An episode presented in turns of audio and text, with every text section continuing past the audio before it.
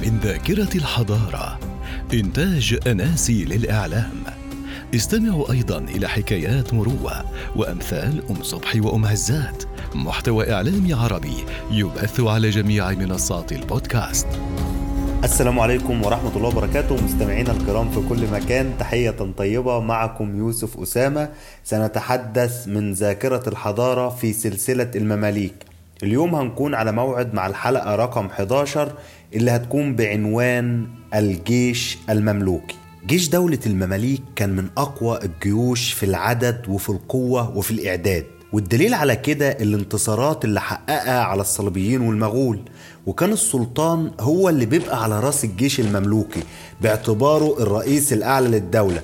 وبعد السلطان بيجي أتابك العسكر اللي هو القائد العام للجيش اللي هو زي النهارده كده بيقابل وزير الدفاع. وبعدين القادة وأساميهم الأمراء وبيتدرجوا في الوظائف بتاعتهم من أمير خمسة وأمير عشرة وأمير أربعين أو أمير طبلخانة وفي الآخر أمراء المئين مقدمو الألوف. عندنا في حاجة اسمهم المماليك السلطانية دول اللي كانوا بعد الأمراء وبيشكلوا الفرقة الثانية في الجيش المملوكي. ودول مماليك السلطان القائم في الحكم وأعظم الأجناد في الشأن وفي الرفعة وأشدهم قربا للسلطان وأوفرهم اقطاعا اللي هي الإقطاعات الأراضي اللي بياخدوها واللي بيحصلوا عليها من السلطان بنفسه. ومن أهم طوائف المماليك السلطانية المماليك الخسقيه واللي بيختارهم السلطان من المماليك السلطانية.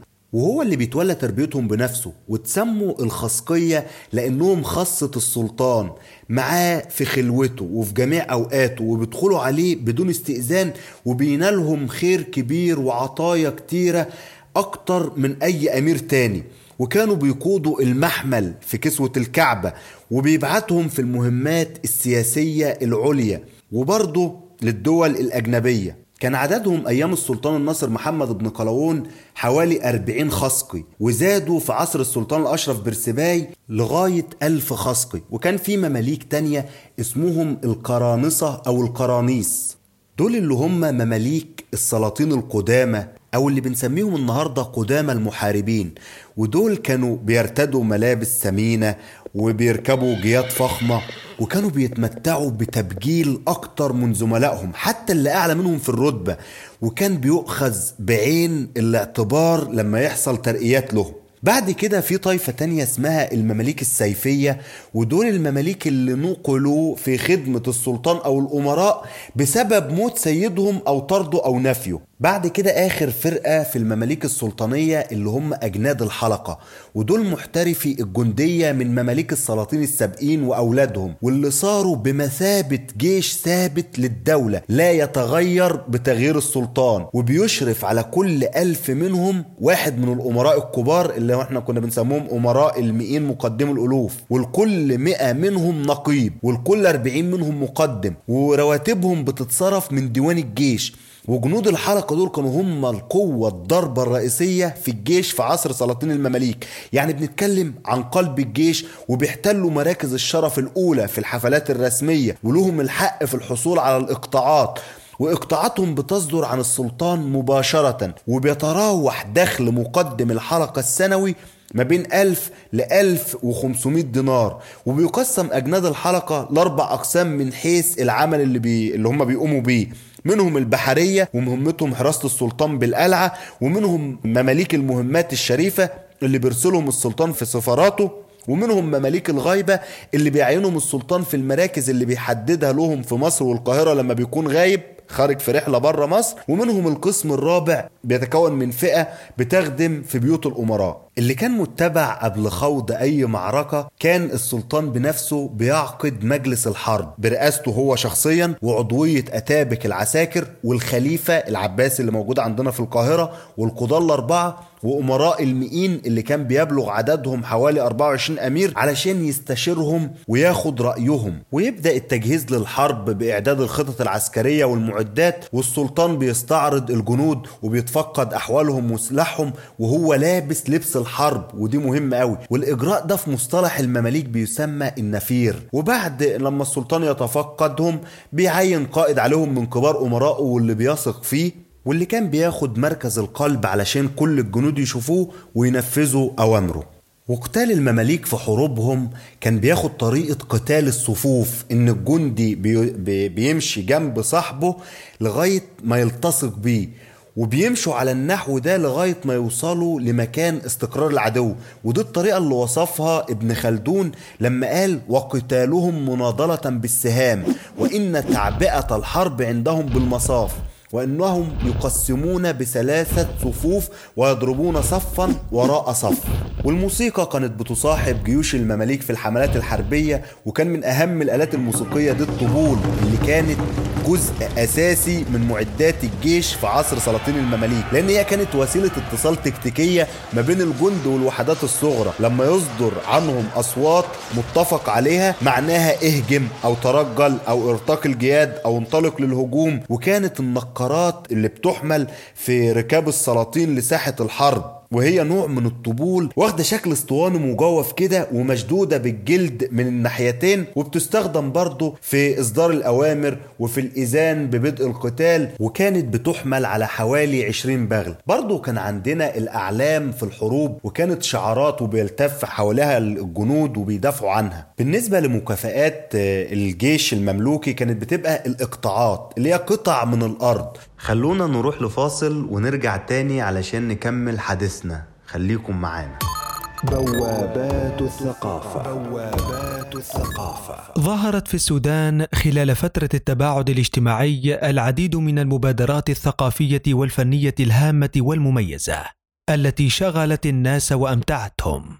فقد أطلق فنانون تشكيليون مبادرة معرض فني دون جمهور للتوعية بمخاطر جائحة كورونا عبر لوحات تشكيلية تم عرضها في منصات التواصل الاجتماعي. هذا وقد اتخذت المبادرة مسارين فنيين، حيث ركز المسار الأول على الجداريات في شوارع الخرطوم الرئيسية، التي رسمت عليها اللوحات الفنية الخاصة بالتوعية بفيروس كورونا، وجدارات للدعوة للبقاء في المنازل منعا لانتشار العدوى. فيما اتجهت فكرة المسار الثاني إلى إقامة معرض تشكيلي دون جمهور ويعنى بحملة التوعية بمخاطر كورونا.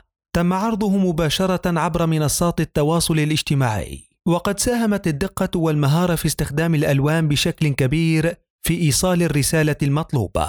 وتمكن المشاهد عن بعد من التواصل مباشرة مع صاحب اللوحة عبر العديد من التطبيقات التي أتاحتها صالة العرض للمتابعين داخل وخارج السودان. كما مارس الإبداع الساخر دورا توعويا في قوالب متعددة تحذر بأسلوب طريف من مخاطر العدوى والاختلاط الاجتماعي. فمنهم من كتب أو صدح بأغنية خفيفة مطربة ومنهم من صاغ أراجيز على طريقة نظم العلماء أو حاكى المتون. وظهرت عدد من القصائد وأغلبها باللهجات المحلية ومن ذلك قول من سمى نفسه المتنرفز الزهجي في قصيدة بمناسبة العيد. عيد بدارك فوق الحبس مرتهنه إن المكوث بصحن الدار محمود. عند الضرورة فاخرج ولا تكن حذرا. إن الزويل بعين اللص مرصود. واعمل حسابك واحذر من مكابسة. أو من زحام ففي الزحمات كوفيد. شكرا للسودان على هذه المبادرات الثقافية سوبر رائعة. وتابعونا في كل حلقة. فاصل من الضوء.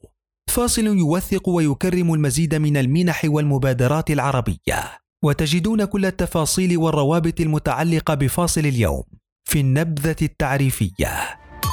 بوابات الثقافة. بوابات الثقافة.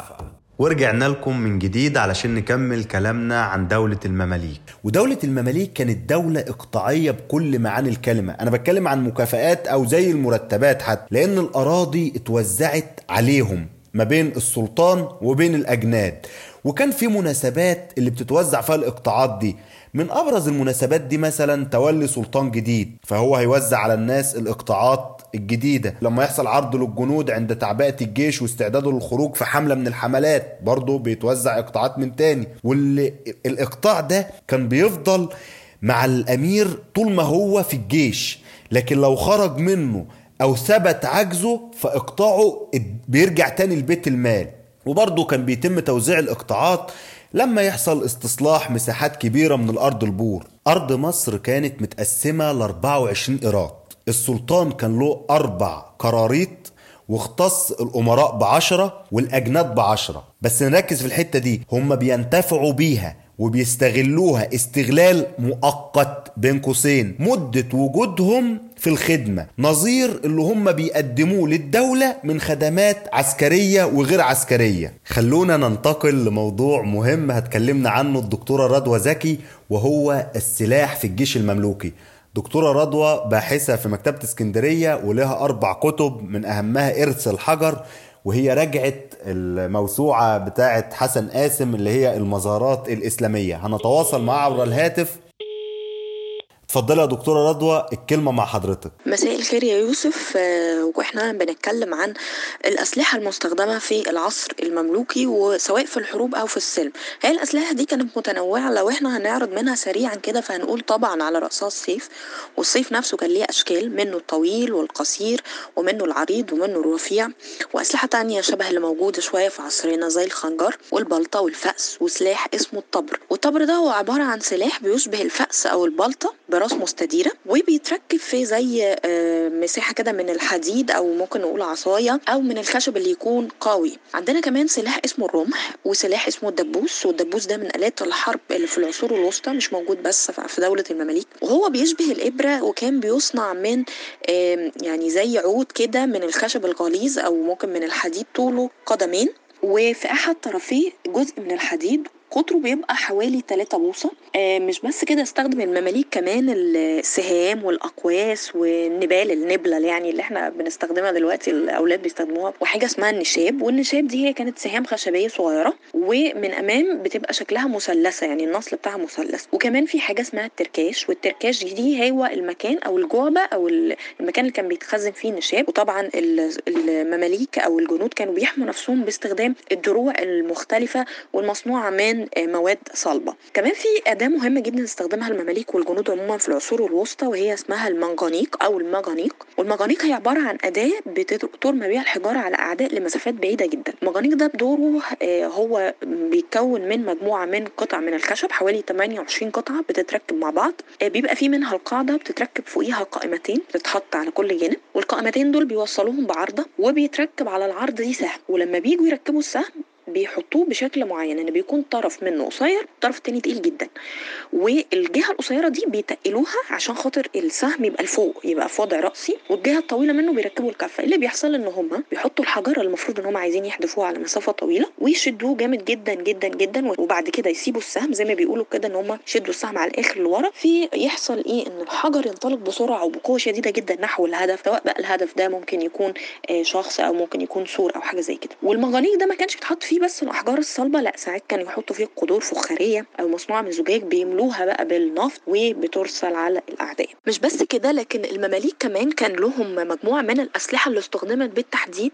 لما يكونوا داخلين مدينة يكونوا عايزين يهدموا أسوار الحصون بتاعتها كان ليها آلات معينة. الآلات دي على رأسها الدبابات اللي ليها عجل. آه، يعني دي كان شكل بدائي من الدبابات اللي إحنا نعرفها دلوقتي. وكانت بتتكون من عدة طبقات وبتمشي على عجل وبتشبه شوية إن هو برج متحرك. كان المحارب أو الجندي بيدخل بداخلها ومجموعة من الجنود بيدفعوه نحو الجدار أو الحصن اللي هم عايزين يدخلوه أو السور يعني فيبدأوا يعملوا فيه نقب أو ينقبوه أو إن هم عايزين يخترقوا يعني السور وهم جواها. فده هم هم داخل هذه الدبابة هم بيكونوا محميين وفي نفس الوقت بيحاولوا يخترقوا السور. فلذلك الدبابة دي كان ليها سقف وجوانب وبتكون محمية من مطاردة العدو. وعندنا حاجة تانية آه، شبهها شوية اسمها الصنبور. آه، الصنبور ده في المصادر العربية وهي شبه السيارة المصفحة أو المدرعة شبه الدبابة لكنها بتبقى متغطية بجلد أو خشب مغطى بالجلد وبرده بيكون الجنود موجودين فيه وبيقربوه للحصن أو السور ويبدأوا يقاتلوا فيه الناس اللي خلف السور دي عشان يقدروا يتمكنوا من الدخول. في كمان حاجة اسمها الكبش وهو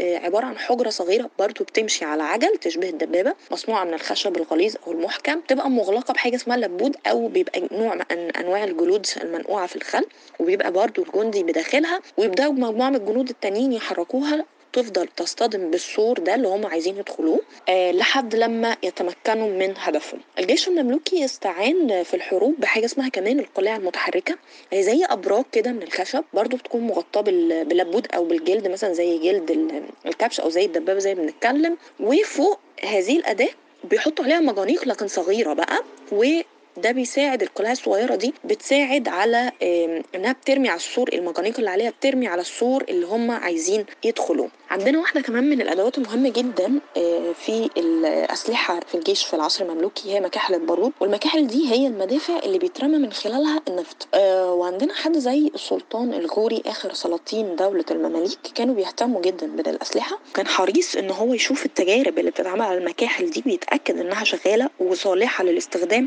آه، بشكل بعيد المدى لأنها كانت بتكون شديدة الفتك وبتنفع جدا في آه، إن هم يكونوا عايزين يدافعوا عن الحصون أو القلاع. ولذلك اهتم الغوري طبعا آه، في ظل إن كانت الدولة العثمانية بتجهز إنها تدخل مصر. وعمل مسبق مخصوص لسبك المكاحل آه، وده كان في ميدان بالقرب من القلعة أو تحت القلعة. وكان المكاحل دي ليها نوعين نوع منها بي- بيتشال على عجل ونوع تاني بيتركب على السفن. والمكاحل كانت عادة تصنع إما من النحاس أو من الحديد وكان ليها أحجام مختلفة وغالبا هي كانت بتبقى كبيرة. الأسلحة دي كلها كانت بيتم حفظها فين؟ كانت بتحفظ في مكان اسمه الزردخانه أو السلاحخانه وبالعربي معناها بيت السلاح أو يعني زي ما إحنا بنقول دلوقتي هي خزانة السلاح المكان اللي بيتم تخزين فيه السلاح أو حواصل الذخيرة. والمؤرخ المملوكي ابن شهيد الظاهري بيكلمنا إنها عجيبة من العجائب اللي هو المكان اللي بيحفظ فيه السلاح ده بها جميع آلات السلاح من كل نوع. والمسؤول عن هذا المكان أو هذه الدار اللي بتحفظ فيها الأسلحة كان بيبقى أمير من أمراء الم- المقايم بيتسمى أمير سلاح. ده اللي مسؤول مهمته إن هو يعرف إيه اللي بيدخل وإيه اللي بيخرج اللي بيستلموا مماليك السلطان من أنواع الأسلحة آه، سواء هم في حالة حرب أو في حالة سلم وأمير السلاح ده كان بيبقى تحت إيده مجموعة من الموظفين اللي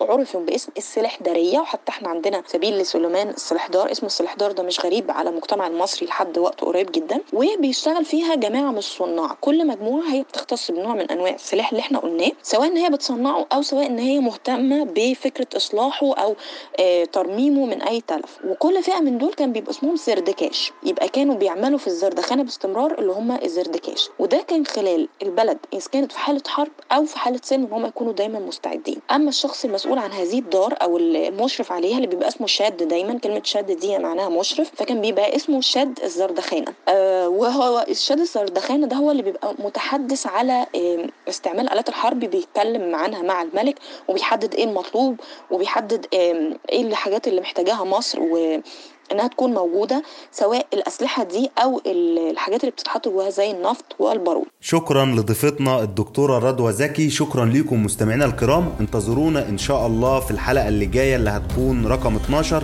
وهنتكلم فيها عن النشاط الاقتصادي في عصر دولة المماليك. والسلام عليكم ورحمة الله وبركاته. من ذاكرة الحضارة إنتاج أناسي للإعلام. استمعوا أيضا إلى حكايات مروة وأمثال أم صبحي وأم عزات محتوى إعلامي عربي يبث على جميع منصات البودكاست.